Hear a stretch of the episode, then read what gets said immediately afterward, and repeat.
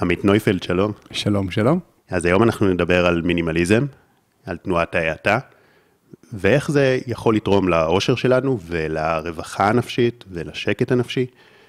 אפשר להגיד שרבים מאיתנו מכורים לחידושים, למהירות, לעוד עשייה, לעוד להספיק, לעשות דברים, חוויות, וגם ללמוד יותר, להשתפר יותר. הדבר הזה יש בו משהו חיובי, אבל כל דבר בעודף, כמו שגם מזון בעודף, מתחיל לייצר יותר נזק מתועלת. כשמדברים על מינימליזם, הרבה פעמים חושבים על צרכנות, זה גם נכון, אבל בגלל שאני באופן אישי מרגיש שבכל הנושא של צרכנות אני יחסית אה, סבבה, לא צורך יתר על המידה, אבל איפה שאני מרגיש לא מינימליסט, זה בעשייה, שאני לא עושה מספיק, לא לומד מספיק, שאני לא חווה מספיק, ואני חושב שהרבה מהמאזינים של הפודקאסט התחברו לזה, מכיוון שמי שמאזין לפודקאסט, אז כנראה מאזין לזה בדרכים איפשהו, כדי לנצל את הזמן יותר טוב וללמוד משהו חדש. אז נדבר על כל הנושאים האלה, על מה זה אומר, וגם איך אנחנו יכולים להטמיע יותר מינימליזם בחיים שלנו, כדי באמת להיות מאושרים יותר, וגם איך לעשות את זה בצורה נכונה, לא להפוך עכשיו לאדישים ולהתנתק מהעולם, אלא באופן שזורם עם החיים. אבל לפני הכל, הספר שלך, ספר מצוין, אגב, ואני אומר למאזינים, נקרא היסטוריה של מהירות. נכון. והוא באמת אה, גם מסביר איך הגענו למצב הזה שבו התרבות שלנו כל כך מהירה, וזה נהיה ממש ערך, וככה אנחנו חיים. אז אני אשמח שנתחיל עם זה. כן, נכון. אז ספר היסטוריה של מהירות, שאגב, השם המלא שלו זה היסטוריה של מהירות, מדריך פילוסופי ומעשי להאטה. הוא יוצא מתוך נקודת הנחה שהידע הוא נורא נורא חשוב. כלומר, עד שאנחנו לא נדע ונבין ונלמד להכיר את כל המנגנונים הפסיכולוגיים, החברתיים, התרבותיים, הכלכליים וכדומה שפועלים עלינו ובעצם גורמים לנו לנכס רעיונות של התרבות המערבית, כמו למשל שקריירה זה הדבר הכי חשוב ושזה הגיוני להקדיש 12-14 שעות ביום לפיתוח שלה ושצריכה זה באמת הדרך שלנו להיות מאושרים, כמו שהפרסומות מבטיחות לנו, הרי כמה קל להיות מאושרים, אנחנו רואים על עזריאלי את הפרסומות הגדולות של מישהי יוצאת מהקניון עם מלא שקיות ו... היא כמובן נורא נורא מאושרת. כל הרעיונות האלה זה דברים שנראים לנו שהם בעצם אה, חלק מהחיים. גם כמובן מה שהזכרת, הצורך הזה בלהספיק כל הזמן כמה שיותר, התחושה הזאת שחלקנו חיים בה, שהאדם הוא סוג של פרויקט שצריך להשביח כל הזמן. אנחנו צריכים כל הזמן להיות בסוג של אה, לימוד ושיפור והתייעלות, וכל רגע שאנחנו יושבים בבטלה גמורה זה ממש כאילו סוג של שערורייה, כי היינו יכולים לנצל את זה. אנחנו כבר לא נותנים זמן והזדמנות לשעמום שיש לו חשיבות רבה לחיים שלנו, בין אם זה אצל ילדים, להתפתחות התקנית שלהם, בין אם זה אצל מבוגרים בשביל היכולת היצירתית שלנו וכדומה. הספר, אם רגע נחזור אליו, אז הוא באמת עוסק קודם כל בתיאור של כל המנגנונים האלה, של המהפכות שהתרחשו בעולם, כי שוב, הרעיון הזה שהחיים הם מהירים ושאנחנו צריכים להתאים את עצמנו לקצב שלהם, הוא בסך הכל רעיון חדש יחסית לו. אם נסתכל אחורה על ההיסטוריה האנושית, בערך 100 אלף שנים מאז שההומו ספיאנס עשה את הטעות של להזדקף ולצאת לכבוש את העולם, ועד לפני 500 שנים בערך העבודה למשל מעולם לא הייתה משהו שאנשים חשבו ששווה להשקיע בו יותר מדי זמן, מעבר לזמן שדרוש לפרנסה המיידית לתמיכה בחיים שלנו. כמובן שצריכה בכלל לא הייתה קיימת לא, שלא הייתה את המהפכה התעשייתית ואנשים הרבה יותר נשענו על רעיונות כמו קהילה וערבות הדדית ועזרה הדדית ותמיכה של הקרובים אליהם, המשפחה והשכנים. כלומר חיינו בסינרגיה הרבה יותר עמוקה עם הטבע שמסביבנו ועם האנשים שמסביבנו וכל הדברים האלה התפרקו בערך לפני 500 שנה. וזה נורא נורא חשוב להבין את זה, כי 500 שנה זה בסך הכל הרף עין בהיסטוריה של האנושית, כלומר זה בקושי מצמוץ עין. אז לאלה מאיתנו שחיים באיזושהי תחושה שבאמת לא ככה חיים צריכים להיות, אני קודם כל ארגיע אתכם, הצדק עמכם, וגם בגלל שזה רק הרף עין בהיסטוריה האנושית, אני אופטימי ואני מאמין שעדיין אפשר להחזיר את הגלגל, לא לאחור במובן של לחזור אה, לחיות אה, במערות וללא שירותי רפואה מתקדמים, אלא פשוט להחזיר את הגלגל לאחור במובן הזה שבו אנחנו יכולים להיות אנשים שלווים יותר ורגועים יותר, שנוכחים יותר בהווה ובכל דבר שאנחנו עושים, ובלי הלחץ המתמיד הזה שפועם ברקות ואומר לנו כל הזמן לעשות, לעשות, לעשות, לעשות. וזה בסדר לפעמים להיות באי עשייה. והאי עשייה הזאת, ואנחנו נגלה את זה, אני מאמין, תוך כדי השיחה, היא חשובה לא פחות מאשר העשייה. הזכרת מקודם את הרעיון הזה של מינימליזם צרכני, ובאמת בשנים האחרונות המינימליזם זה נהיה כזה סוג של טרנד, יש המון בלוגים של מינימליזם וסרטים המינימליסטים בנטפליקס שזכה להמון אה, צפיות, ויש את הסדרה של המינימליסטית היפנית הפסיכוטית הזאת, מרי קונדו, שמלמדת אתכם איך לזרוק את הכל מהבית, ואז שולחת אתכם לאתר שלה לקנות כל מיני מוצרים מינימליסטיים מעוצבים. וזה נורא חשוב, אגב, אני מאוד בעד, כלומר, צו השעה, גם מבחינה סביבתית וגם מבחינת היכולת שלנו להיות אנשים שקטים ושלווים, שלא מוצאים הרבה כסף על חפצים מיותרים, אז מינימליזם חומרי הוא נורא נורא חשוב, אבל באמת לא פחות חשוב, זה המינימליזם שאני מדבר עליו בשנים האחרונות, או משתדל לשלב אותו בכל אה, שיחה שאני עושה על תנועת האטה, וזה בעצם מינימליזם מחשבתי. זה ההבנה שאנחנו בעצם חיים באיזשהו מציאות שלא תואמת את היכולות הקוגניטיביות שלנו, כלומר, אנחנו, כל אחד מאיתנו מסתובב עם המחשב רב עוצמה בכיס, שאנשים תמיד נורא אוהבים להגיד שכל סמארטפון היום יותר חזק מהמחשב שהיה בחללית שהנחיתה את uh, האסטרונאוטים באפולו 11 על הירח, אבל זה, זה לא כל כך עוזר לי, כי אני בסך הכל רציתי לצאת לשתות בירה עם חברים שלי בבר, ועכשיו כולנו יושבים ובואים במסך הזה, כי הוא נורא נורא ממכר, ובטלפון כל הזמן קורים דברים מדהימים, אז...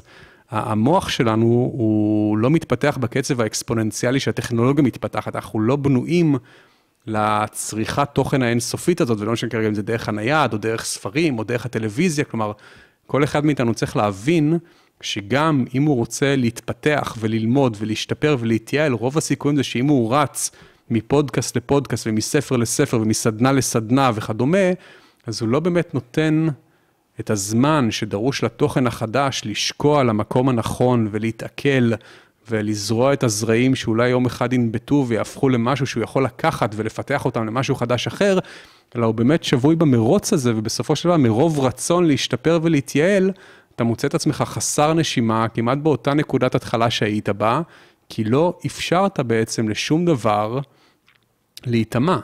כן, אז תראה, אמרת את המילה להתעכל. ואני רוצה רגע להתחבר למטאפורה הזאת של עיכול. כי אם מסתכלים על כל העשייה המהירה הזאת, שאני מסתכל על זה מנקודת המבט שלי, זה סוג של התמכרות.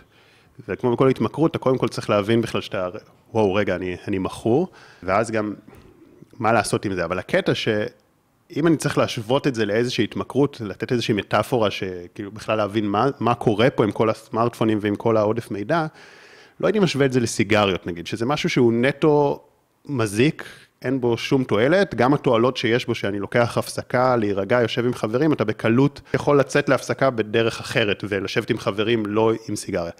אבל אם אתה חושב על אוכל לדוגמה, אוכל זה דבר שמזין את הגוף שלנו, הוא חיוני והוא חשוב, ואתה לא יכול בלעדיו, וככה אני חושב שזה גם הצריכת אה, מידע שלנו והעשייה שלנו, בסופו של דבר אנחנו כן אמורים לעשות, אנחנו כן אמורים לעבוד, אנחנו כן אמורים לצרוך מידע, זה טבעי לנו, זה טוב, זה מקדם אותנו, זה תורם לנו לחיים. אולי לא הישרדותי כמו אוכל, אבל זה בטח תורם לנו ומשפר אותנו כבני אדם, אבל באיזשהו מקום אנחנו כבר לא יודעים לשים את הקו, זאת אומרת, הגענו לאיזשהו עודף, כמו מגפת ההשמנה. בדיוק. הגענו לאיזשהו עודף, מגפת הג'אנק, קודם כל ג'אנק, מלא מידע ג'אנק, אבל זה לא רק זה שיש מלא מידע ג'אנק, זאת אומרת, גם אם אני מצליח להיות נטו במידע ערכי, שנגיד פודקאסט כזה, אני חושב שהוא לא ג'אנק, אנחנו עושים את המקסימום לתת ערך, נושאים שמשפרים אותנו, אבל בסופו של דבר, גם מפירות, שזה דבר מאוד בריא, אתה יכול להיות בעודף ולהשמין. נכון. ואני חושב שפה צריך למצוא את האיזון הזה. זה נורא חשוב להדגיש כבר עכשיו, תנועת ההאטה היא לא נגד עשייה, ותנועת ההאטה היא לא נגד עבודה, ותנועת ההאטה היא לא נגד שיפור והתייעלות וצמיחה. היא רק נגד המרדף האובססיבי והתחושה הזאת שאנחנו כל הזמן חייבים להספיק עוד וכמה שיותר. חלק מזה מהסיבות שכבר נקבתי, כי אני פשוט, תנועת האטה תגיד לך שזה לא יעיל מה שאתה עושה, כלומר אם אתה מנסה כל הזמן להיות במרדף אחרי עוד ועוד, אתה יוצא בעצם אה, ששכרך בהפסדך, מה שנקרא. וההשוואה הזאת למזון זה באמת נורא יפה, כי תראה, בסופו של דבר, יש הבדל בין אם אתה הולך לשוק וקונה ירקות טריים ועושה מגש ירקות בתנור, או אפילו סתם איזה סלט ירקות קצוץ ענק מירקות העונה, ואז אתה יושב לאכול, או שאתה מזמין בוולט איזה המבורגר מאיזה מזללה מהירה, שהוא כנראה מלא בשומן, סוכר, מלחים וכדומה, ואז בסופו הגוף שלך לא מקבל את החומרי הזנה שאנחנו צריכים, אנחנו כאילו שבעים. אבל הגוף לא באמת קיבל את מה שהוא צריך כדי להתפתח. אז אותו דבר זה כבי כל דבר אחר. אם אתה דבק בכת המהירות, ואם אתה רץ ממקום למקום, ואגב, הזכרת מקודם את החוויות, אנחנו רוצים לצבור חוויות, אבל אני אתן לך את האנקדוטה הזאת מטיולים מאורגנים, שפעם יצא להשתתף, הרי מה, מה זה חוויה? מה זה אומר חוויה? חוויה, אם אתה מסתכל באקד... באתר של האקדמיה ללשון עברית, אז חוויה זה התנסות או מאורע שמותירה באדם רושם עז. ואתה חושב למשל על טיולים מאורגנים לחו"ל, כן? שהרי למה, למה אנחנו נוסעים לחו"ל? כדי לנוח, כדי להתרגע, אה, למלא מצברים נקרא לזה ככה, או כדי לצבור כמובן חוויות. אלה בדרך כלל שתי הסיבות העיקריות שאנשים יטוסו בגללם לחו"ל. ואז אנחנו טסים לחו"ל, ואנחנו בעצם שבויים באותו אורח מחשבה. שמלווה אותנו ביום יום, ואנחנו רוצים להספיק כמה שיותר, ויש כל כך הרבה אטרקציות, ויש כל כך הרבה מוזיאונים, ויש כל כך הרבה קניונים שאנחנו רוצים לבקר בהם, ואנחנו רצים ממקום למקום, אז בוא נאמר שהחלק הראשון של לנוח ולהתרגע אף פעם כבר לא קורה כמעט בחופשות בחו"ל, בטח לא בטיולים מאורגנים, אבל מה עם צבירת החוויות? אתה אומר, אוקיי, לפחות אני מבקר בכמה שיותר אטרקציות, אז אני לפחות צובר יותר חוויות, כי הייתי גם פה וגם פה וגם פה, והייתי בכמה ערים ובכמה איים ובכמה זה. ואז אתה אומר, רגע, אבל אם אני בעצם רצתי עכשיו למזרקה הזאת, לפונטנה דיטרבי, ורק כאילו הצטלמתי שם עם גלידה או זורק מטבע, ואז רצתי לפנתיאון, ואז לקוליסאום, ואז לוותיקן, וביום אחד עשיתי את כל האתרים ההיסטוריים של רומא, איפה בעצם הייתה פה התנסות העזה? איפה בעצם היה פה המאורע שהותיר עליי רושם? הרי אני כל הזמן הייתי דבוק במחשבה של איפה אני צריך להיות בשלב הבא, וכמה זמן אני יכול להיות פה וכמה זמן אני יכול להיות שם, ואיפה הקבוצה עכשיו וכמה... כלומר, אנחנו בעצם לא מאפשרים לעצמנו לא לצבור חוויות, לא להיזון מתכנים עמוקים וחשובים, כי אנחנו מכורים למהירות, אז בדיוק כמו שמזון מהיר מותיר אותך בסופו של דבר מרוקן, ככה גם תוכן מהיר, ככה גם חופשות מהירות, ככה גם, שוב, זה בכלל לא משנה כרגע אם באמת מה שאתה צורך זה רק ב Coursera לצורך העניין, וזה כמובן לא עובדות אלטרנטיביות ולא פייק ניוז, אם אתה קופץ מקורס לקורס לקורס לקורס, אתה בסופו של דבר נשאר ריק. אתה כלום, אתה לא נתת לשום דבר אה, להתעכל ולהזין אותך בתוכן שיכול להצמיח אחר כך רעיונות חדשים מתוכך. כן, אז אני מאוד מתחבר, הרבה מהרעיונות האלה, אני מרגיש שתרמו לאושר שלי בצורה שאני לא יכול לתאר, כי, כי אני חושב שהטבע שלי גם, אני מניח שזה גם לא כל בני אדם אותו דבר, הוא מאוד אה, לדחוף ליותר ויותר ויותר, ובשלב די מוקדם בחיים שלי, קלטתי את האשליה הזאת במידה מסוימת, והאטתי בהרבה דברים, וזה פשוט תורם לשלווה ולאושר. אני חושב שיש הרבה דברים שאני עדיין מאוד לא האטתי בהם. אחד, אחד הדברים היפים בתנועת ההאטה זו תנועה מאוד מודולרית, כלומר יש אנשים שהתחברו מאוד לרעיונות של slow food והם היו הכי foodies בעולם כאלה שבאמת קונים את הירקות בעונה ומשתלים ממגדלים מקומיים ומבשלים את רוב הארוחות שלהם בבית, אבל מה בחופשות הם אוהבים להספיק כמה שיותר וזה בסדר גמור, אני אגב זה עוד דבר ש... חשוב לומר כבר עכשיו, למקרה שכאילו השיחה כזה תידרדר באיזשהו שלב, אנשים יגידו, אוי, לא, הוא רוצה להטיף לנו לא לעשות כלום, וזה אז, אני למשל אף פעם לא בא לבן אדם מאושר, כן? אם אתה היית אומר לי, ואז יצא לי כבר להשתתף בפודקאסטים, שאנשים אומרים לי, אבל תקשיב, אני, כיף לי, אני עובד הרבה שעות, ויש לי את כל התחביבים שלי, ואני מספיק גם כאילו להיות קצת עם הילדים שלי, וקצת פה וקצת, הכל סבבה, ואני אומר, אם הכל סבבה, אז הכל בסדר. אני לעולם לא אבוא לבן אדם, שמרוצה מחייו בקצב המהיר, ואגיד לו, לא, אתה בעצם סובל, אתה חי בתודעה כוזבת, ואתה, בוא תראה את האמת, את האור שמחוץ למערה. לא, אני פשוט חושב שיש מספיק אנשים שהתרבות המהירה של העולם המערבי פשוט רומסת אותם, ומספיק אנשים שסובלים ושרע להם, ושהם יודעים שהם אוכלים אוכל שלא טוב להם, והם סוחבים איזה כאב בצד, והם סוחבים את הלחץ הזה ברקות, והם לא ישנים טוב בלילה, והם צמודים לנייד יותר מדי, והם יודעים שהם מכורים, והם לא יודעים איך להפסיק ורע להם. ולאנשים האלה שרע להם, לתנועת ההאטה יש אוסף רחב מאוד של רעיונות שיכול לעזור להם להיחלץ מזה ברמה כזו או אחרת. שוב, זה לא אפס או אחד, כן? זה לא לא לעשות כלום או לעשות כל הזמן כל דבר. צריך לדעת למצוא את השביל הזהב האריסטוטלי הזה עבור כל אחד, כי אצל כל אחד הוא גם אדם שהוא מאוד ייחודי וזה משתנה מכל אדם. אז יש פה אוסף של רעיונות שאפשר לבחור, וכמו שאתה אומר, יש דברים שהאטת בהם, יש דברים שלא האטת בהם, זה בסדר גמור, כי אני לא בא לחלק ציונים, אף אחד בתנועת ההאטה לא בא כן. ואומר, סליחה, אתה האטה, אה, שבע, אתה יכול להשתפר. לא, אתה תאט ברמה שמתאימה לך להאט, עד שאתה תרגיש שאתה במקום טוב, שאתה מצליח לאזן את הרצונות ואת הצרכים ואת התשוקות שלך, וגם את הצורך ההוקו פיזי, הרי בסופו של דבר אנשים שוכחים, אתה אומר כאילו, האדם מטבעו רוצה עוד, לא, האדם מטבעו הוא בעל חיים, וכמו כל בעל חיים אחר, אדם מטבעו רוצה לבלות חלק ניכר מהזמן שלו בבטלה. אבל התרבות שלנו גורמת לנו לחשוב שזה לא בסדר. כלומר, כן, כולנו רוצים להיות כמו צ'יטות ולשכב איזה חצי יום על ענף של עץ בשמש. אנחנו לא מרשים לעצמנו כי אנחנו צריכים להתפרנץ ואנחנו רוצים ללמוד ולהשתבח, אבל תנועת הייתה פה כדי להגיד לך, זה בסדר לפעמים לעשות פעולות חסרות תכלית. אנחנו חוגגים למשל את חג השוטטות ואת היום הלא דיגיטלי, ואנחנו באמת מעודדים באייה, אבל לא כל הזמן לשוטט ולא כל הזמן לבעוט ולא כל הזמן, פשוט לדעת שיש חשיבות גם לדברים האלה. ולהזכיר לנו שבבסיס שלנו אנחנו לא נועדנו לרוץ כמו משוגעים כל הזמן, אלא להפך. כן, אז אני, אני חושב שנקודה מאוד משמעותית, זה שגם uh, הרבה אנשים לא מקשרים בעיות מסוימות שיש להם בחיים למהירות. כמו שאמרת, הלחץ בראש והכאב ראש והבעיות עיכול, כל מיני בעיות ביציבה וכל מיני בעיות שהולכות ונצברות ומתפרצות אחר כך באיזה גיל 50-60, איזושהי תחושה של אה, ריקנות ודברים שקורים בתוך הגוף אה, עם העורקים, כאילו אמרתי הרבה דברים פיזיים, אבל זה אה, גם מערכות יחסים שהולכות ונעשות רדודות יותר, אז אני חושב שהרבה אנשים לא, לא מקשרים בכלל. גם נפשי, אתה רואה עלייה בדיווח על מקרה דיכאון, אתה רואה עלייה במקרה, בדיווח על מקרה שחיקה. חרדה, ו... לחץ, כן. כן, כל הדברים האלה הם כל הזמן בנסיקה. מצד אחד, אין ספק שכל החרדה והדיכאון קשורים גם הרבה, וזה נושאים שאני עוסק בהם, גם במידה רבה לטראומות שעברנו, למחשבות טורדניות, להרבה מאוד דברים כאלה, ואולי זה השורש, אבל התנאים התומכים שמאוד מעצימים את זה, זה המהירות, כי זה ממש כמו שאמרת, המערכת שלנו לא בנויה להכיל את זה. זה פשוט יותר מדי, זה לא מתעכל. אם האוכל לא מתעכל, אז הוא הופך לשומן, אז אם כל המידע הזה וכל החוויות האלה וכל העומס הזה לא מתעכל, אז הוא הופך לאיזושהי אנרגיה, אני מניח, ש, שהיא חרדה. כל אחד ממקומו, אז יש כאלה שהם חווים חרדות, יש כאלה שחווים, אה, שיקראו לזה לחץ, כל הזמן בעומס. אה, יש כאלה שחווים דברים פיזיים מסוימים. בסופו של דבר היום כבר ידוע לנו שהלחץ תומך בכל סוג של מחלה, זאת אומרת גם אם המחלה, הסיבה שלה היא לא לחץ, הלחץ תומך בה, ויש מחלות שהן נטו מהלחץ. אז בן אדם יש לו את זה, והוא מרגיש שהוא רוצה לבלות עם המשפחה בצורה נינוחה יותר, ועם חברים, והוא מרגיש שהוא בסך הכל כן סבבה לו בחיים, אבל זה לא זה. הוא מבין שמשהו לא תקין, אבל הוא גם לא רוצה ללכת לקיצוניות של עכשיו לעשות אה, נזיר, או, או אדיש לחיים, או ניאליסט. אז איך מוצאים את האיזון הזה?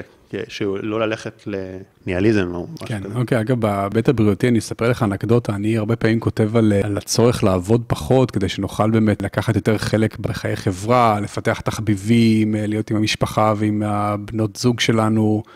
אה, לקחת חלק בפעילות פוליטית וקהילתית וכדומה, ולפני קצת יותר מחצי שנה, ארגון הבריאות העולמי אה, פרסם מחקר מעניין, שאגב זה אותו ארגון בריאות עולמי שבשנת 2018 הכריז על מחלות הלחץ כמגפה של המאה ה-21, ובשנת 2019 הוא הוסיף את מחלות השחיקה לאותה מגפה, שכולם כמובן מקורם בעבודה מאומצת, והנה הוא יצא במחקר חדש, הוא בדק רטרואקטיבית מקרה מוות בשנת 2016, מקרה מוות שנבעו מדום לב, מחלות אה, דם ושבץ מוחי וכדומה, והוא גילה, שוב, לא קשר סיבתי, אבל בהחלט קורלציה בין אנשים שעבדו מעל 50 שעות בשבוע, לבין לא פחות מ-745 אלף מקרי מוות בטרם עת. עכשיו תבין, עד היום כאילו מקרה מוות מעודף עבודה זה משהו נורא אקזוטי כזה, אנחנו פעם בכמה שנים נקרא איזה כותרת בכלכלי שמיץ' גולדארט מתמחה בבנק באינדונזיה, עבד שלושה ימים, שתה רק פחיות רדבול, אכל רק סניקרס ומת, במפתיע, כלומר זה נורא, והנה פתאום אתה מגלה שלא פחות מ-745 אלף אנשים בשנת 2016, לכאורה מתו כתוצאה מעודף עבודה. ואז אתה אומר, בואנה, אני חייתי בסרט.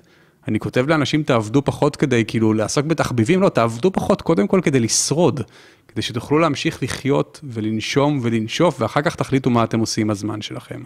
ואז אתה אומר, אוקיי, אז יש את כל הנתונים האלה, כלומר, כולנו יודעים שעבודה מאומצת לא בריאה לנו, וכולנו יודעים שהקצב החיים המהיר לא בריא לנו. אני לא בטוח שכל כך יודעים. הרוב יודעים, ומי שלא יודע, שוב, אני, אני מדבר למי שיודע. כן. מי שלא יודע, סבבה, אני... אני אגיד לך גם למה, אני חושב שלא יודעים, הבת זוג שלי לפני כמה ימים, כאב לה כזה הראש. ובדקנו, שאלנו את, ה, את הגורו שלנו, כאילו, של כל הדווינה ורפואה סינית וכל זה, זה, זה עניין של לחץ, וגם ככה שאתה שואל את גוגל. כן. האזור הספציפי הזה. אבל אני לא, לא בלחץ, אני בסך הכל בחשיבה כבר לא חיובית. שמים לב שאנחנו בלחץ. לא, אני בסך כאילו. הכל בחשיבה חיובית, אין לי איזה מחשבות שליליות וזה, אבל אמרתי, "אבל כן, נכון, את, את כן חושבת, מעצם זה שאת עובדת והעומס, כן. זה לחץ, גם אם זה לחץ שהוא כולו חיובי, זה עדיין לחץ, זה עדיין עומס על המערכת, יותר מדי מחשבות. כן. עכשיו, ואיך אני ישר יודע לזהות את זה, לא כי אני, אני, חווה את זה על עצמי, אני יודע שהרבה פעמים אני בסך הכל בחשיבה מאוד חיובית, ובלי מחשבות טורדניות, ובלי איזה פחדים גדולים, אבל שגם תכנון יתר ופשוט יותר מדי עומס, זה גם הופך ללחץ. לגמרי. אפרופו כאב ראש, אני לפני איזה שנה נתקל, לא האמנתי שראיתי את זה, היה פרסומת לנורופן, רואים כזאת אשת, אשת עסקים נורא מצליחה, ממהרת מפגישה לפגישה, והקריינית אומרת כזה, קצב החיים המהיר בעולם המערבי עלול להוביל לכאבי ראש, בשביל זה אנחנו פה נורופן, ואתה כזה, מה, אני לא מאמין. כן. כאילו אולי פשוט תגידו לאנשים לא למהר כל כך הרבה, אז אנחנו אמורים לחיות עכשיו על כדורים לשארית חיינו, רק כי כל הזמן כואב לנו הראש, כי אנחנו כל הזמן בסטרס וכל הזמן בלחץ, הרי זה בלתי נתפס. ואז אתה אומר, אוקיי, אז הבן אדם הזה שכן מבין שאורח החיים המהיר לא טוב לו, מה הוא יכול לעשות? אז פה מתחיל החלק של חייבים להתחיל בלימוד, ואגב, מקודם השווית את זה לסיגריות, אני עישנתי חלק ניכר מחיי, עד בגיל 35 נתתי לעצמי מתנת יום הולדת, סדנה להפסקת עישון, וזה מדהים, כי מה שעושים בסדנה זה מסבירים לך מה זה ניקוטין ואיך הוא עובד עליך, ומה שאני עושה בספר לצורך העניין זה מסביר לך מה זה המהירות, מה המקורות שלה, מאיפה היא הגיעה ואיך היא עובדת עליך. והמהירות בעצם נכנסה לחיינו בשילוב של שלוש מהפכות שונות, שאני אגיד על כל אחת מהן רק כמה מילים, אנחנו לא נהפוך את זה עכשיו להרצאה היסטורית, אבל כמו שאמרתי, רוב ההיסטוריה האנושית, העבודה היומיומית היה משהו שנטו לזלזל בה, גם הפילוסופים הגדולים וגם הדתות הגדולות כמובן. והנה פתאום במאה ה-16 קם לו נזיר, כפר כומר הוא היה, אוגוסטיני בשם מרטין לותר, והוא החליט שהעבודה היא דבר קדוש. כלומר, הוא לא החליט שהעבודה היא דבר קדוש, הוא החליט שכל העולם הוא קדוש, כלומר, הוא הפך את כל העולם למנזר גדול, וכתוצאה מזה, גם העבודה היא עניין קדוש, כי מה שהנחה אותו זה דבר פשוט. הרי אם הכנסייה הקתולית אמרה שייעוד האדם זה לעבוד בקודש, אז מרטין לותר אמר, לא, יש כזה דבר, מקצועות כמו סנדלר ונגר ונפח וחייט, ומאחר והמקצועות האלה קיימים, זה אומר שאלוהים ברא את המקצועות האלה, ואם אלוהים ברא את המקצועות האלה, הרי שהעבודה בהם היא עבודת קודש לכל דבר ועניין.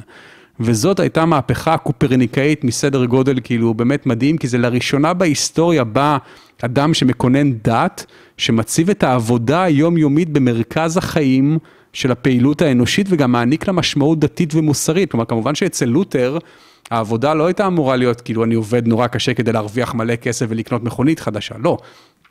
אתה עובד כי באמצעות העבודה אתה משרת את אלוהים. כלומר, יש משפט נורא יפה של זה, הוגה פרוטסטנטי מאוחר יותר, שאומר, אני אגיד אותו רגע באנגלית ואז אני אתרגם אותו, We must consider the main ends of our life, which is the serving of God, through the serving of our fellow mate in the works of our calling. כלומר, אנחנו משרתים את אלוהים באמצעות שירות הזולת, תוך כדי עשיית העבודה היומיומית שלי. כלומר, אם אני חייט ואני תופר לך חליפה, אני לא אתפור לך חליפה זולה שתיקרע אחרי שלושה חודשים כדי שתוכל לבוא, תצטרך לבוא ולקנות ממני עוד חליפה, אלא אני אתפור לך חליפה שתחזיק לך מעמד חיים שלמים ותשרת אותך בדרכים ובכל דבר שתצטרך. וכנ"ל נפח וכנ"ל בונה כרכרות וכדומה. אז הנה פתאום העבודה לראשונה בהיסטוריה האנושית קיבלה נופך דתי. עכשיו, בגלל שלותר ביטל בעצם את התיווך הכנסייתי, מה שקרה זה שהרפורמציה הפרוטסטנטית בעצם התחילה איזשהו סוג של תהליך של חילון. לותר ניסה לקרב בין בני האדם לדת, אבל מה שהוא עשה בפועל זה הוא הרחיק אותם, כי בני האדם השקיעו יותר זמן בעבודה ופחות בהליכה לכנסייה וקריאת כתבי הקודש, ובעצם הלכו והתרחקו מהדת, ולא עברו כמה דורות עד שפתאום הרווח הכלכלי נהפך להיות סימן לעובדה שאתה אחד מבכירי האל. שזה עוד איזשהו מהפך שאני בספק אם אני אצליח להעביר את הדרמה הגדולה האנושית שהייתה פה, כי עד המאה ה-16 כסף היה נחשב לדבר בזוי. ואם אנשים עכשיו שמקשיבים לפודקאסט הזה לא מאמינים לי, אני יכול לשלוח אותם לברית החדשה, הבשורה על פי מתי, פרק ט"ז, פסוק 24, ישו פונה לתלמידיו ותובע את המשפט האלמותי, נקל לגמל לעבור דרך נקב המחט, מייכנס עשיר אל מלכות שמיים. הוא אומר את המשפט הזה בעקבות סיפור על איש עשיר שבא לישו ואומר לו, אני רוצה להצטרף אליך ולתלמידים שלך, וישו אומר לו, אין שום בעיה, תמכור את כל הרכוש שלך, תחלק את כל הכסף שלך ותפאדל בוא. ואז כמובן האיש העשיר התבאס והלך, ולפרק הזה קוראים מכשלת העושר. ובאמת, כל האנשים בעולם המערבי במשך מאות ואלפי שנים חיו בתחושה שכסף זה דבר בזוי, שבעצם מונע ממך לעסוק בדבר החשוב באמת, שזה עבודת האלוהים. זאת מהפכה אחת, נשים אותה בצד. מהפכה השנייה, בערך 200 שנה אחר כך, מתחילה המהפכה התעשייתית. אני רוצה להזכיר לך ולמאזינים שלנו, שרוב ההוגים הגדולים של המאה ה-17 וה-18 היו בטוחים שהמכונה עתידה לשחרר את האדם. הרי אנחנו, בני אדם, רק יצטרכו לעבוד את זה שעה-שעתיים ביום, לפקח על התוצרים המכניים, כלומר, מכונות יעבדו בשבילנו ואנחנו נוכל לעסוק בדקלום ובלימוד ובמשחק ובשירה ובטיולים עם ידידים ועוד כל מיני, יש לי ציטטות כאלה של כל מיני הוגים גדולים של התקופה הזאת. ובפועל קרה בדיוק הפוך, המכונה לא רק שהיא לא שחררה אותנו, היא בעצם כבלה אותנו לרמת היעילות שלה. פתאום האדם צריך לסגל את עצמו לעבוד כמו מכונה, לסגל את עצמו באותו קצב, ו, ופתאום אנחנו יכולים להתעלם ממזג אוויר ומשעות היום, כי יש לנו בקרת אקלים ויש לנו תאורה מלאכותית. אנחנו לא צריכים כבר בעצם להיות חלק מהטבע. שאנחנו מתקיימים בתוכו, אלא אנחנו יכולים לעבוד 24/7, ואנחנו גם זמינים 24/7, כי יש לנו מחשבים ניידים וטלפונים, ואנחנו יכולים לעבוד מהבית קפה, ומחוף הים ומהמיטה. המכונה, במקום לשחרר אותנו, היא כבלה אותנו לתוך היעילות שלה. היא גרמה לנו לחשוב שאנחנו צריכים להתאים את עצמנו אליה במקום להביא מזור לחיינו, כשהמהפכה השלישית, שאולי נדבר עליה בהמשך, וקצת דיברנו עליה, זה בעצם מהפכת המידע. ששוב, אל תמיד נכון, כל אחת מהמהפכות האלה, אגב, מבורכות בדרכה שלה, כן? הרפורמציה הפרוטסטנטית הובילה לפחות לפי חלק מהמחקרים להולד את הקפיטליזם, והקפיטליזם זאת שיטה כלכלית שאכן הזניקה את האנושות קדימה, עד לשלב מסוים שעכשיו היא מתחילה לעבוד נגדנו. המהפכה התעשייתית כמובן הצליחה לספק מוצרים לכל העולם, כלומר דברים שפעם רק היינו, רמת החיים שלנו היום היא משתווה רק אולי כאילו למלכים לפני 400-500 שנה, וגם הם היו חולמים על לחיות בימינו בתור עניים כנראה. וכמובן מהפכת המידע מסייעת בביאור הבעירות ברחבי העולם, והיא נותנת לנו כלים ונגישות למידע. כל דבר טוב, אבל כל דבר מפסיק להיות טוב שהוא מפסיק להיות במידה. כשאנחנו עדיין משייכים לעבודה איזושהי משמעות דתית, למרות שאנחנו אנשים חילונים, כלומר אנחנו עובדים נורא נורא קשה, אנחנו כבר לא יודעים למה. ואז אנחנו חושבים שכסף באמת זה סימן לגאולה דתית, למרות שאנחנו שוב לא מאמינים כבר באלוהים, אבל אנחנו עדיין מעריצים את אה, בעלי ההון, ואנחנו כולנו רוצים להיות נורא נורא עשירים, לא רק כי זה יאפשר לנו לקנות עוד דברים, אלא כי בסופו של דבר אנחנו חושבים שזה נותן איזושהי גושפנקה לכך שאנחנו אנשים טובים יותר, אנחנו ממש מרגישים סוג של התעלות על כל הפשוטים האלה שמסביב, אם אנחנו נוסעים בפורש חדשה ועשינו אקזיט של 300 מיליון דולר, אנחנו מורמים מעם. זאת תחושה שהיא בעצם, היא סוג של עדים רעילים של אותה מהפכה דתית שגרסה שכסף מעיד על גאולה. והמהפכה התעשייתית, ששוב התמכרנו לתוצרים שאנחנו צורכים יותר מדי. היום כל אחד מאיתנו חי באיזושהי תודעה של רובינזון קרוז, או כל אחד מאיתנו מחזיק בבית שלו מחסן של ציוד שיכול לעזור לו לשרוד כל דבר, החל משואה אטומית ועד צונאמי, ואנחנו הפסקנו לשתף פעולה. תחשוב שפעם כאילו הרכוש שיש בדירה שלך, פעם היה יכול לאפשר לכפר שלם לחיות בנחת. והיום אנחנו כולנו כל הזמן צורכים וצורכים, וזה משפיע על העולם וזה משפיע על הבריאות הנפשית שלנו. וכמובן שמהפכת המידע מובילה לאותו עומס שאמרנו, כי אנחנו לא יודעים איך לצרוך מעט. אנחנו, שוב, כל המהפכות האלה ביחד הובילו אותנו לאיזשהו סוג של סחרור, שבו אנחנו פשוט רצים, עצים קדימה, בלי לתת את הדעת. כבר לא שואלים את עצמנו יותר את השאלות של למה, והאם זה באמת עושה אותנו מאושרים, ואנחנו פשוט חיים כאילו זה טבע הדברים, ואנחנו פוגעים בעצמנו בכל רובד אפשרי. אז נכנסת לזה כי אמרת שדרך ההסבר של מה זה עושה לנו ומה יצר את זה, עוזר לנו להשתחרר. חשוב להבין שזה לא גזירת גורל וזה לא חלק מהטבע האנושי. אנשים יגידו שהטבע האנושי תמיד רוצה עוד, לא נכון. עכשיו, לא אני חושב שיש פה גם באמת אה, נקודה שכל אחת מהמהפכות האלה יש לה המון המון יתרונות. זה שהפסקנו להתייחס אל כסף ואל עבודה כדבר בזוי והתחלנו להעריך את זה, שזה אפילו דרך אה, להתעלות רוחנית, אני חושב שיש בזה מן האמת, כי יש דרך אה, כך שאנחנו משרתים וזה באמת עושה אותנו מאושרים, כן? זה שאנחנו טובים במקצוע שלנו ושאנחנו נותנים ערך, זה נותן לנו משמעות וזה עושה אותנו מאושרים יותר וזה גם באמת בונה את הכלכלה ומאפשר לנו יותר נוחות ויותר בריאות. גם המהפכה התעשייתית יש לה את היתרונות שלה וכמובן מהפכת המידע שאחרת לא הייתם בכלל שומעים את הפודקאסט הזה ללא המהפכה הזאת. מלכתחילה סייגתי, אמרתי כל אחת מהמהפכות ברוכה בדרכה שלה, אני לרגע לא רוצה לחזור לחיות במערות. והנקודה, יש, יש באמת איזה גרף כזה של גם לחץ, שאומרים שלחץ עד מידה מסוימת מאוד מאוד תורם ליעילות שלנו, ומעל רמה מסוימת הוא פוגע. אני חושב שזה באמת, כאילו, כמו שאתה אומר, עברנו את הרמת עומס שככה מועילה לנו, לאושר וגם ליעילות שלנו, ואנחנו באיזה סוג של עודף. אגב, יודעים איך זה משפיע לנו על המוח, הצריכה, האם זה משפיע ומשנה לנו. אה,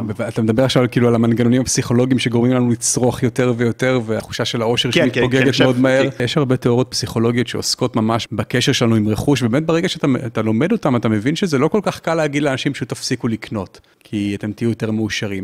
אנשים יקרים, מיד נמשיך בפרק. רק רציתי לספר לכם, שאם אתם אוהבים את הפודקאסט, אני מזמין אתכם להצטרף בחינם אל קבוצת הוואטסאפ הסגורה, שבה אני שולח פעם בשבוע משפט השראה, פלוס תוכן מעצים ואיכותי. קישור ההצטרפות נמצא בתיאור למטה. וגם מזמין אתכם לעקוב באינסטגרם ובטיק טוק, שם תוכלו למצוא סרטונים ממוקדים וככה לצרוך תוכן משמעותי שתורם להתפתחות שלכם באופן יומיומי. ואם גם בא לכם לשתף את הפרק בסטורי ולתייג אותי, תדעו שאני תמיד משתף גם אצלי, ואני מאוד מעריך ומוקיר את השיתופים שלכם. זה עוזר לי להגיע לעוד אנשים ונותן לי מוטיבציה להמשיך להשקיע ולייצר את התכנים הכי איכותיים שאני יכול. מודה לכם על ההאזנה והתמיכה, ואנחנו ממשיכים. יש למשל את אה, תיאוריית השליטה. מהרגע שאנחנו ילדים בעצם, ואנחנו לומדים לאחוז בחפצים שמסביבנו, חפצים, וההורים שלך יגידו לך, זה אסור על הסכין, וזה מותר, ואתה בעצם, חפצים עוזרים לך לבנות איזשהו עולם שמגן עליך, ושאתה בוטח בו, ושאתה מכיר אותו. וזה לא שונה גם בבגרות שלנו, הרבה מאיתנו מתייחסים לבתים שלנו כעל ה-safe haven, נכון? אנחנו חוזרים הביתה למבצר של המוכר, לחפצים שאנחנו קנינו ובחרנו ומשרים עלינו איזושהי שלווה ותחושה של אה, ייחודיות, וזה הבית שלנו, ולא משנה אם כל הרהיטים מאיקאה ויש אותם בעוד 100 אלף דירות בישראל. ויש כמובן את התיאוריה שאני מאוד מאוד אוהב, שזה נקרא העתקת האידיליה. שזה כאילו קלאסי, כי אני נופל בה כל פעם. העתקת האידיליה אומרת שהרבה פעמים אנחנו תולים בחפצים שאנחנו קונים איזשהו תקווה לעתיד טוב יותר. למשל, אני אקנה עכשיו סט של משקולות, אני אלך ואני אוציא אלף שקל על סט של משקולות, שזה מה שקרה לי איזה פעם, פעמיים בחיים כבר בעבר, ואני בעודי כזה סוחב הביתה את המשקולות, אני כבר, עצם הרכישה, עצם העובדה שהוצאתי את האלף, אלפיים שקל על סט משקולות, זה מאפשר לי לדמיין את העמית, האתלטי, החטוב והשרירי שבעתידי, ועכשיו המשקולות יכולות כאילו להחליד על הגג ואני לא חייב באמת להשתמש בהם כי כבר קניתי אותם, הם בעצם הגשר אל האידיליה שאני מדמיין. יש את תיאוריית ההסתגלות ההדונית שמסבירה למה כל רכישה חדשה, לא משנה גדולה כקטנה, אם זה דירה או רכב או חופשה, למה אנחנו בעצם מאבדים, התחושה הזאת של העושר מתפוגגת נורא מהר. וזה באמת הפרדוקס ההסתגלות ההדונית. אז בוא תסביר אותו רגע. פרדוקס ההסתגלות ההדונית אומר שכל רכישה חדשה תגרום לכם איזושהי הנאה, אבל ההנאה הזאת דורך, אנחנו מתרגלים נורא מהר. אגב, היכולת הסתגלנות הזאת של האדם, היא מועילה לו גם בדברים רעים. תחשוב שבן אדם שחלילה גילה מחלה קשה, או פתאום נהיה נכה. הרבה פעמים אתה שואל את עצמך, בואנה, איך הוא כאילו ממשיך לחיות? למה הוא לא דופק לעצמו כדור בראש? כי אנחנו יצורים נורא נורא סתגלניים. יש אנשים שהסתגלו, אפרופו ערב יום השואה שאנחנו מקליטים, למחנות ההשמדה, אתה פשוט התרגלת, פתאום קשה לך לדמיין את העולם שבחוץ, אז אתה מצליח לשרוד בתוך הגיהנום הזה, כי אתה התרגלת אליו. אז הרעיון הזה של הסתגלנות, שהוא נורא עוזר לשרידה שלנו בתור בני אדם, הוא פועל כחרב פיפיות שאנחנו באים לנסות למצוא אושר באמצעות חפצים. כי עכשיו קניתי משהו חדש, הוא גרם לי אושר מאוד גדול, מחר כבר התרגלתי אליו. הסתגלתי אליו, הוא לא גורם לי את האושר שהוא גרם לי אתמול, אבל אני אומר, רגע, אבל אתמול הייתי כל כך מאושר, כל מה שאני צריך לעשות זה לקנות עוד משהו, כדי להיות עוד פעם מאושר, ואז אנחנו כמו מכורים בקריז, שכל פעם רודפים אחרי המנה הבאה, למרות שכאילו מכור לסמים, הסמים כבר לא גורמים לו טוב, הם רק עוזרים לו לא להרגיש רע. שזה מה שיפה, כאילו ברגע שאתה מכור, אתה מבין שבעצם שאני לוקח את הסיגריה, או לוקח את הדרינק, או לוקח את הסם, זה לא גורם לי להרגיש יותר טוב, זה פשוט מרגיע את העצבנות או את הסבל הפיזי שאני מרגיש כתוצאה מהיעדר הסם הזה. אז אותו דבר קניות, אנחנו באמת בגלל שאנחנו חיים בתרבות שהיא, סליחה, רובה שטחית, ופחות ופחות מאיתנו קוראים את יצירות המופת ועוסקים בפילוסופיה ומנהלים דיונים אה, עמוקים על כל דבר שזה לא יהיה. ואנחנו באמת התרגלנו כזה להשקיט את הצורך הזה במשמעות. ובהנאה באמצעות פיקסים קטנים כאלה של אוקיי, פידבק חיובי מהבוס או מהלקוח, פתאום כולנו כזה הולכים על עננים במשך יום שלם, ואז uh, קנינו איזה גאדג'ט חדש באליבאבא והוא הגיע ואנחנו נורא מאושרים ליום יומיים, ואנחנו כל הזמן רודפים בלופ אינסופי אחר הפידבקים החיוביים האלה, במקום לייצר לעצמנו איזשהו עולם ערכים עשיר ועמוק וקהילה תומכת מסביבנו שתאפשר לנו לקבל את האיזון ואת הפידבק החיובי הזה באופן כמעט אינהרנטי, כלומר זה כמו לייצר דופמין כתוצאה מלייקים שאתה מקבל בפייסבוק, או לספוג דופמין כתוצאה מלהתחבק עם מישהו שאתה אוהב, או פשוט לשכב רגע בשמש על הדשא. יש אגב דברים שאנחנו לא מסתגלים אליהם, שממשיכים לספק לנו אושר? אז שוב, תראה, כל מחקר שנעשה, כולל במכון לחקר האושר שיושב בדנמרק לדעתי, בסופו של דבר הדברים שגורמים לנו אושר בר קיימא, הם נורא נורא פשוטים. בדרך כלל זה קשרים אנושיים, כלומר זה המשפחה והזוגות והקהילה. תחושה של ביטחון שנוצרת כתוצאה משייכות, לא תחושה של ביטחון מכסף. כסף לא מעניק לנו ביטחון, להפך, הרבה פעמים כסף, אפרופו הסרט של אה, שיילי אה, שינדלר שחולל הרבה מהומות, הנה, כסף למשל מעורר אצלה הרבה חרדות חדשות שהיא לא יודעת איך להתמודד איתן.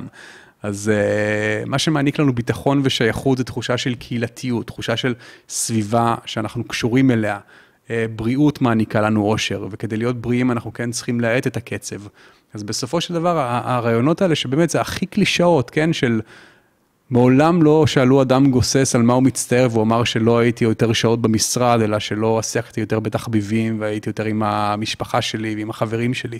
כי זה כל כך בסיסי, זה הדבר, אני חושב שאם אתה מכיר את הסיטואציה הזאת שהיית בערב עם חבר על הבר ובאמת הצלחתם לשים את הפלאפונים בצד ושקעתם לאיזה שיחת נפש כזאת ושניכם יוצאים ממנה כאילו מה שמרוממי רוח וכאילו ווואו איזה ערב מדהים היה.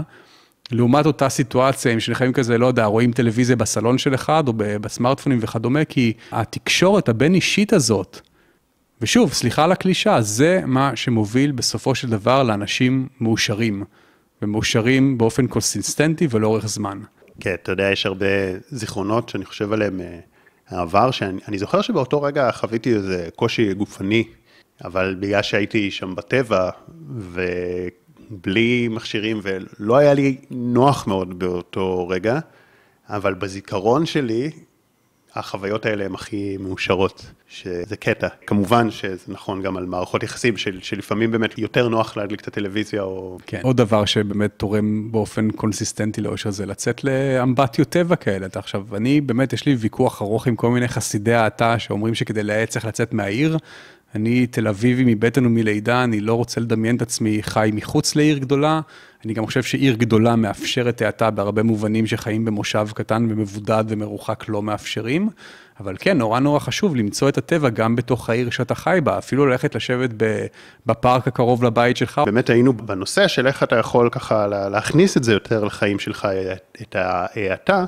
ואני רוצה באמת לדבר אל האנשים שהם לא רוצים עכשיו אה, להתנזר, או, וגם כן יש, הם גם כן מוצאים משמעות בעבודה שלהם ובעשייה שלהם, וכן מוצאים גם משמעות גם להאזין וללמוד ופודקאסטים, זה דברים נפלאים, וכן מוצאים משמעות גם בהנאות קטנות, אז איך אתה מוצא את האיזון הזה? איך אתה מכניס את זה לחיים שלך בלי להתנתק? נתחיל בדבר שהכי מטריד בדרך כלל אנשים, שזה עבודה, ואני שוב אומר, תנועת ההאטה היא לא נגד עבודה. בספר שלי יש פרק שלם על עבודה איטית. עבודה איטית זה בעצם אוסף של טיפים ומהלכים. פסיכו-פרוצדורליים שיכולים לעזור לך להפוך להיות עובד יותר יעיל, יותר טוב, בורג יותר חשוב במערכת, לעתים אולי אפילו להרוויח יותר, זה מה שהכי מטריד אנשים, אומרים, מה, אם אני אעבוד פחות, אז בעצם אני ארוויח פחות, או שיפטרו אותי, ואני אגיד לבוס שלי שאני רוצה לעבוד פחות, אז אני גם רוצה להגיד לכל המאזינים וגם לך, שכאילו בכל העולם עכשיו יש ניסויים של מעבר לשבוע עבודה של ארבע ימים.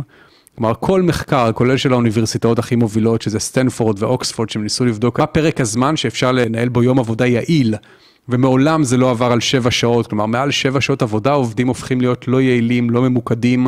אה, כמובן שכל המיתוסים האלה של הסופר טסקר והמולטי טסקר וכדומה, אין ספור מחקרים שמוכיחים שאנשים שטוענים שהם מולטיטאסקרים, בדרך כלל עובדים פחות יעילים, שנאלצים לחזור על צעדיהם ולתקן רטרואקטיבית טעויות שהם עושים, כי הם פשוט לא ממוקדים ולא מרוכזים. אז עבודה איטית תגיד לכם ותעניק לכם את הכלים איך להיות עובדים יותר טובים. וכשאתם תהיו עובדים יותר טובים ועובדים יותר יעילים, אתם תוכלו לעבוד פחות. העובד הישראלי יחסית למדינות ה-OECD עובד הכי הרבה שעות ומספק את הפריון הכי נמוך כי אנחנו עובדים לא יעילים. אז אם אתה תוכיח לבוס שלך שאתה כן עובד יעיל, ואני יכול להגיד לך למשל שנועה אשתי, שאני הכרתי אותה, היא עבדה בתחום התקשורת והעיתונות. שנינו היינו מסיימים לעבוד כל יום בארבע, ואז היא הלכה לעבוד בהייטק, היא עשתה הסבה מקצועית. פתאום שנה וחצי עבדה נורא נורא קשה, באמת המון שעות, ואני הכי פרגנתי לה, כי ראיתי שאיך היא פורחת ו- ונורא נהנית מזה, באמת לומדת המון דברים חדשים ומכירה המון אנשים חדשים, ואז פתאום אחרי שנה וחצי היא הבינה שזה השתלט לה לגמרי על החיים. והיא באה לבוסים שלה והיא אמרה להם, תקשיבו, אני שני וחמישי יוצאת מוקדם, כי אני נרשמתי לחוג תפירה. היא החליטה שהיא רוצה ללמוד תפירה, אני יוצאת כל יום בארבע, ועוד יום בשבוע אני יוצאת מוקדם יותר, כי אני רוצה לעשות לאחיינים שלי חצי יום כיף. עכשיו, הבוסים שלה אמרו, אין שום בעיה. בסדר גמור, כי היא הייתה עובדת מספיק טובה ומספיק חרוצה ומספיק יעילה, כדי שהם יבינו שאם היא תעשה את הדברים האלה, גם תהיה עובדת יותר מאושרת, והיא תוכל להמשיך לעבוד ולתת את התפוקה הטובה שהיא נותנת. אז בסופו של דבר עבודה איטית לא אומרת לעבוד פחות, להסתכן בלאבד את העבודה שלנו ולהרוויח פחות, זה אומר בעצם לעבוד יותר יעיל וממוקד, להיות ברגים יותר חשובים במערכת שאנחנו מצויים בה, אפילו לשפר את יכולת ההשתכרות שלנו. תנועת ההאטה לא מבקשת מאף אחד לוותר על שום דבר, למעט אולי הרגלים מזיקים. ככל שאנשים ישקיעו יותר בתכנים של תנועת ההאטה, והפודקאסט הזה כמובן הוא רק טעימה, אני ממליץ לכולם כאילו לגגל את זה בעברית ובאנגלית ולקרוא תכנים. ולראות שבאמת אין מה להפסיד, יש רק מה להרוויח. קודם כל אני אגיד שזה מתחבר לדברים, נגיד, שעשיתי פודקאסט על מיינדפולנס, אז גם אמר אותו דבר, כשאנחנו חושבים שהמולטיטאסקינג מייעל אותנו, אבל מחקרים מראים שהוא לא מייעל. האם המחקרים אומרים מה יותר טוב? האם עדיף לעבוד פחות שעות בכל יום? וכל יום, או באמת לקחת שלושה ימים חופש מוחלט בשבוע. התנועה שמתחוללת כרגע בעולם, גם עכשיו גם מתחיל פיילוט בישראל של קיצור שבוע עבודה, שפשוט כאילו זה לא מחכה להחלטת ממשלה, אלא עמותה שפועלת ברחבי העולם, שהיא בעצם יש לה את הקריטריון של 80-100-100. או 180-100, שזה אומר 100 אחוז משכורת ב-80% מהזמן וב-100% מהתפוקה. כל הניסויים עד היום הצליחו, ותראו שהתפוקה של העובדים עולה, שכולם יותר מאושרים, או רובם לפחות יותר מאושרים, שההוצאות של העסק יורדות וכדומה. ואז אנשים אומרים, רגע, אבל אם אני בעצם עובד ארבעה ימים בשבוע, אז האם את היום החמישי אני דוחף בעצם לארבעה ימים האלה, ואני עובד כאילו בסטרס הרבה יותר גבוה, יותר שעות בימים האלה? אז התשובה היא לא. הרעיון הוא לייעל את העבודה למצב כזה שבו אתה לא נגרר לימי עבודה של 12-14 שעות כדי לחפות על השלושה ימי חופש, אלא זה תהליך שבאמת מלווה על ידי יועצי עבודה ופסיכולוגים ומלווים שזאת ההכשרה שלהם, איך לזהות ולנטרל את הרעשים, הרי כולנו תחשוב, כאילו באמת, הכמות הזמן שמתבזבזת ביום עבודה נורמטיבי. אתה רואה את זה בהייטק, פגישות על גבי פגישות על גבי פגישות על גבי פגישות שלפעמים מובילות לאנשהו, לפעמים לא מובילות לשום מקום. או אנשים כאילו במגזר החופשי שבאים לעבודה ופותחים את המחשב שלהם, ואז הם פותחים את ynet והארץ ואת דה מרקר ואת גלובס, ופה קוראים כתבה, ושם קוראים לזה בלוג, וחצי מהזמן הם בפייסבוק, ובסופו של יש כל כך הרבה זמן מת בעבודה שלנו שאנחנו לא עובדים בו, אז מי שבא ומדבר איתך על קיצור שבוע עבודה ולהתייעלות בעבודה, פשוט אומר לך, אוקיי, כשאתה בעבודה, תעבוד. ואז לא תצטרך לעבוד יותר שעות, תוכל לעבוד יעיל את ה-7-8 שעות ביום, לא תצטרך לעשות את העוד ימים, לא צריך לעבוד בסופי שבוע, לא צריך לעבוד בשעות הקטנות של הלילה, אלא פשוט תעבוד יותר טוב ויותר ממוקד, וזה מה שיקרה. ושוב אני אומר, היה אפילו ניסוי במייקרוסופט יפן, יש פה תהליך של התייעלות. במובן של באמת מיקוד, לעזור להבין מה הצרכים של העסק, מה העבודה האמיתית של העובדים, איפה אנחנו שורפים את הזמן לשווא. וזה לא אומר שעכשיו לא יהיה הוואי בחברה, כן? וזה לא אומר שאי אפשר לצאת לארוחת צהריים, וזה לא אומר שאי אפשר לעשות דרינק על הגג בערב, אבל זה אומר שזה הופך להיות בחירה של עובדים אם הם רוצים להישאר עוד בשביל הפנאי, או עוד בשביל ההוואי של החברה. עוד דבר כמובן שנורא חשוב, אם אנחנו כבר מדברים עליו, זה כמובן שצריך לזנוח את כל הרעיונות האלה של איזון עבודה חיים. אין מושג שאני יותר מתעב מאשר איזון עבודה חיים, זה דבר ראשון בגלל הדיכוטומיה הזאת שזה מציב, כן, הרי תחשוב, עבודה ומנגד חיים, מה זה אומר שאנחנו בעבודה, אנחנו בעצם מתים, הרי ההפך של חיים זה מוות, זה לא עבודה. אז אני רוצה שאנשים יבינו שעבודה זה בסך הכל רק עוד רובד אחד של החיים שלנו. ודבר שני, איזון זה בדרך כלל מה שאנחנו מוצאים בנקודת האמצע. כלומר, ואז זה אומר, אוקיי, אם נוריד רגע שבע שעות שינה מומלצות על ידי ארגון הבריאות העולמי, אומרים שמונה, אבל בוא נניח שבע, אז יש לנו בערך 17 שעות ביממה. אז זה אומר שחצי מתוכם אנחנו צריכים לעבוד, וחצי אנחנו צריכים לדחוף את כל המורכבות המדהימה הזאת שנקראת חיי אנוש. לא, אני חושב שאנחנו צריכים לעבוד פחות. ואני אגיד לך יותר מזה, המושג הזה של איזון עבודה חיים, זה נכנס ללקסיקון בשנת 76 בבריטניה ובשנת 86 בארצות הברית. כלומר, הרבה לפני המחשבים הניידים והסמארטפונים והלפטופים ומה שזה לא, כלומר, אנשים אז בכלל לא חשבו שאפשר לעבוד מהבית. זה מושג שהוא ארכאי לחלוטין היום, היום שכל אחד מאיתנו יכול לעבוד בכל רגע נתון מהסמארטפון שלו, אנחנו צריכים להבין שאיזון עבודה חיים זה משהו שעבד עליו הקלח, אנחנו פשוט צריכים להכריז בריש גלי ובגאון שאנחנו רוצים וצריכים ויכולים לעבוד פחות. והכלכלה לא תיפגע ואנחנו לא ניפגע והחברות שאנחנו עובדים בהן לא ייפגעו. אם מייקרוסופט יפן הצליחה להוכיח את זה, אז כל חברה בעולם כנראה יכולה להוכיח את זה. אני לא יודע אם uh, באופן כללי התייחסת לזה ככה, אבל אני מהרגע הראשון מתייחס לזה כאל התמכרות. והתמכרות, השורש שלה תמיד בריחה מאיזשהו כאב רגשי, הסחת דעת מרגשות. השורש, אה, נכון שבסופו של דבר זה כבר נהיה הרגל. אז יש גם יתרון להתמכרות לעבודה.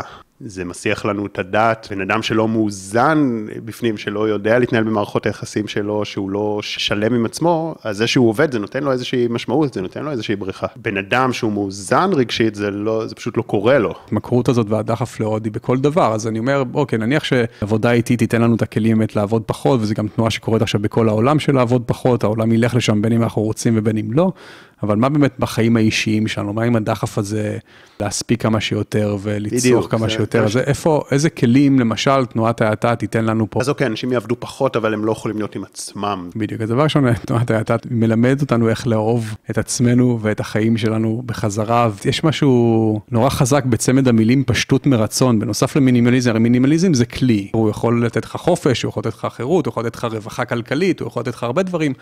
אבל זה כלי שאתה משתמש בו כדי להגיע לאיזשהו מקום, ואז מה? אז אוקיי, אז נניח עכשיו כאילו אתה חי עם פחות חפצים, האם אתה יותר מאושר? לא. אבל במושג הזה, פשטות מרצון, יש משהו הרבה יותר חזק לטעמי, כי ראשון, כי יש פה את האלמנט של בחירה. המילה מרצון פה היא נורא נורא חשובה, כי היא מעידה על בחירה, שאנחנו כן, אנחנו יכולים לקחת חלק בחגיגת הצרכנות שמתחוללת שם בחוץ, ואני הייתי יכול לבוא ולשבת פה מולך עם שעון שעולה 30 אלף שקל, או להגיע לפה ברכב ולא על אופניים, אבל אני פשוט לומד איך ליהנות מהפשטות. הדברים שגורמים לנו את הכי הרבה אושר בחיים, הם דברים נורא נורא פשוטים, וככל שאנחנו נאמץ אותם יותר לחיינו, פה כמובן מגיע, אוקיי, איך לאמץ אותם לחיינו. אחת ההחלטות הכי חשובות שאני עשיתי כשהתחלתי לאמץ רעיונות של תנועת האטה בחיי, הייתה להעיף את הטלוויזיה מהבית. אני פשוט זוכר שלפני משהו כמעט 20 שנה זה היה, פשוט חזרתי יום אחד הביתה והיה לי את הבומבילה הענקית קוד של טושיבה, איזה 40 אינץ', זה לא הטלוויזיות הדקות של היום, זה היה כאילו חתיכת טלוויזיה, הצלחתי להעמיס אותה, הורדתי אותה לרחוב. וזה שינה את החיים שלי לגמרי, כי עד אותו רגע הייתי חי באיזשהו סוג של הרגל שהייתי חוזר מהעבודה, לא יודע, עושה מה שאני עושה, באיזה 6-7 בערב מזמין משהו לאכול, או מכין איזה אוכל מוכן כזה שיש לי בבית, ומתיישב מול הטלוויזיה ופשוט מעביר ככה שעות, פתאום מגלה ש-12 בלילה, מכבה לטלוויזיה, הולך לישון, והעברתי איזה 4-5 שעות מול ערוצי הסרטים של הוט, שאני בספק אם יש דרך בזויה יותר להעביר את החיים שלך. וברגע שהורדתי את הטלוויזיה מהבית, פתאום התפנו לי ערבים שלמים, ואתה אומר, אתה חוזר הביתה ואין לך מה לעשות בבית, כן, יכול לקרוא ספר, פתאום נורא, אני, אני מסתובב בבית שלי כארי בכלום, אני לא יודע מה לעשות עם עצמי, כי אין לי את הטלוויזיה, אני פשוט יוצא מהבית. ואני יוצא מהבית ואני מתחיל לשוטט ברחובות, ואני הולך ואני פוגש חברים, ואני עושה דברים, ואני הולך להצגות, ואני הולך לסרטים, כלומר פתאום החיי חברה שלי התאוששו, פתאום הייתי הרבה יותר באינטראקציות עם העולם האמיתי שבחוץ, ולא שבוי בתוך ארבע הקירות שלי, כי בעצם אני יכול לספק את כל צורכיי שם, יש לי את המחשב שלי, את הטלוויזיה שלי, את השירותי משלוחים שלי, ותנועת אתה תגיד לך בדיוק את זה, תתחיל לסלק ערוצי תוכן מהחיים שלך. טלוויזיה זה א' ב', אם אתה לא רוצה לזרוק את הטלוויזיה מהבית, לפחות תתנתק מהכבלים. שלא יודע מי רואה טלוויזיה היום, היום בפלאפון. בפלאפון, אבל אתה יודע, יש גם אנשים שרואים כן. טלוויזיה, יש להם גם יס או הוט, וגם אפל uh, TV, וגם אמזון TV, וגם נטפליקס, ואנשים עדיין מעבירים ערבים שלמים מול הטלוויזיה, ושהם לא מול הטלוויזיה, באמת ברשתות החברתיות, ואז אנשים אומרים לי, אבל אין לי זמן במהלך היום, ואני שואל אותם, כן, כמה רשתות חברתיות אתה חבר, ואז אומרים לי, יש לי פייסבוק ברור. אה, אני בטוויטר, אני באינסטגרם, כי בשביל התמונות, ובגלל הבת שלי עכשיו נכנסתי גם לטיק טוק, אני פחות, חבר, אתה חבר בארבע רשתות חברתיות, ברור שאין לך זמן במהלך היום. לי למשל יש רק פייסבוק, אני זקן, יכול להיות שאם הייתי צעיר, היה לי רק אינסטגרם, או רק טיק טוק, או מה שזה לא יהיה, אבל בן אדם צריך לבחור את הרשת החברתית שנותנת לו הכי הרבה ערך, ולהחליט שזאת הרשת החברתית שהוא מתמקד בה לצורך העניין. וגם בה מנסה לבלות כמה שפחות שעות, ואפשר לעשות את זה באמצעים טכנולוגיים היום, אתה יכול להתקין כל מיני תוספים שחוסמים גלישה, אתה יכול פשוט כמוני להיות עם אה, סמארטפון אה, זקן וישן שכמעט אי אפשר לגלוש בו, ואז זה בעצם אומר שאם אני לא ליד מחשב פיזית, אני כמעט לא יכול להיות ברשת חברתית, ואני לא יכול להיות שבוי בתוך המגנט תוכן הזה. יש המון המון דרכים, ובסופו של דבר זה חייב איזושהי פעולה אקטיבית שלנו, כי אנחנו באמת מכורים. כל אחד ברמה כזו או אחרת, גם אני מכור, אם תיתן לי עכשיו כאילו טאבלט או סמארטפון חדש שיכול לעשות הכל, אני תוך כמה דקות אני יכול כאילו להישאב לתוכו. אז אני מראש מחליט שלא לחשוף את עצמי לדברים האלה. וסליחה, זה יישמע לאנשים מוזר, אבל אני, אם אני צריך להגיע לאיזשהו מקום, אני בודק במפה, בגוגל מפ בבית, איפה זה נמצא, כדי שאני לא אצטרך להיות עם ווייז באוטו. וזה אשכרה, כאילו יש גם על זה אגב מחקרים שכאילו באמת הכישורי ניווט שלנו מתערערים והזיכרון שלנו מתערער כי אנחנו משליכים את כל יהבנו על המכשיר הקטן והמטופש הזה ואנחנו יודעים שהוא יוביל אותנו בבטחה לכל מקום, גם אם לא בדרך הקצרה ביותר, זה אנחנו כבר יודעים שווייז לא עושה את זה, ושהוא יענה לנו את התשובות לכל השאלות ואנחנו מאבדים את היכולת לחשוב באופן עצמאי, לנווט באופן עצמאי, אנחנו מאבדים יכולות קוגניטיביות נורא חשובות של זיכרון. מישהו מאיתנו עוד זוכר מספרי טלפון? אתה זוכר את המספר טלפון של החברה שלך בכלל? לא. אני זוכר, אנחנו, רובנו, אנשים מבוגרים, זוכרים מספרי טלפון של אנשים שהיו איתם בבית ספר היסודי והם לא יזכרו את הטלפון של הבן שלהם. כי אנחנו כבר לא זוכרים. זה אני לא בהכרח רואה בתור uh, בעיה, כי זה, אני מניח שזה זה תמיד... עוד לא, uh... זה עדיין טרי, אנחנו לא יודעים על איזה כישורים אנחנו מוותרים, יכול להיות שרק בעוד 50 או 100 שנה פתאום אנשים יבינו באמת את ה... הריכוז שנפגע, אני כן מרגיש שהוא הבעיה החמורה ביותר, זה שאני לא זוכר מספרים בסדר, כי uh, המוח שלי מתפתח באופנים אחרים, אבל הריכוז שנפגע בגלל העודף מידע והתראות הזה, זה אני מרגיש שהפגיעה החמורה ביותר, כשאני מרגיש אותה גם על עצמי, שבאמת אה, יותר קשה היום לקרוא ספר, יותר קשה לעשות מדיטציה, להתרכז בשיעור יוגה ו- ולעשות פשוט יוגה. או, חד משמעית, או, הטלפון או... גרם להפרעת קשב ברמה עולמית. אגב, מי שרוצה, אני אגיד ככה, כי אני חושב שאתה לקחת את זה, לא הרבה אנשים יכולים להיות בלי טלפון. יש לי טלפון, יש לי וואטסאפ ויש לי כאילו, yeah. אני, אני למשל כבר יודע שאני לא יכול לחיות בלי וואטסאפ. לא יכול, זה גם לעבודה, גם לחברים, גם... אני פשוט קיבלתי את כל ההתראות. אני לא אגיד שלא יצא שלפעמים פספסתי דברים, שלפעמים לא עניתי. לאנשים בזמן, אז כן, פעם בכמה ימים יוצא שאני מפספס משהו קטן, אבל אני חושב שכל הרווח הוא כל כך גדול, שזה לגמרי, לגמרי, לגמרי שווה. התראות זה דבר נורא, אם אתה לא מנתח מוח בכיר שעלול להיות מוקפץ כאילו לכל זה, למה אתה צריך שהטלפון שלך יהיה דלוק ב-11 בלילה עם כל ההתראות? למה?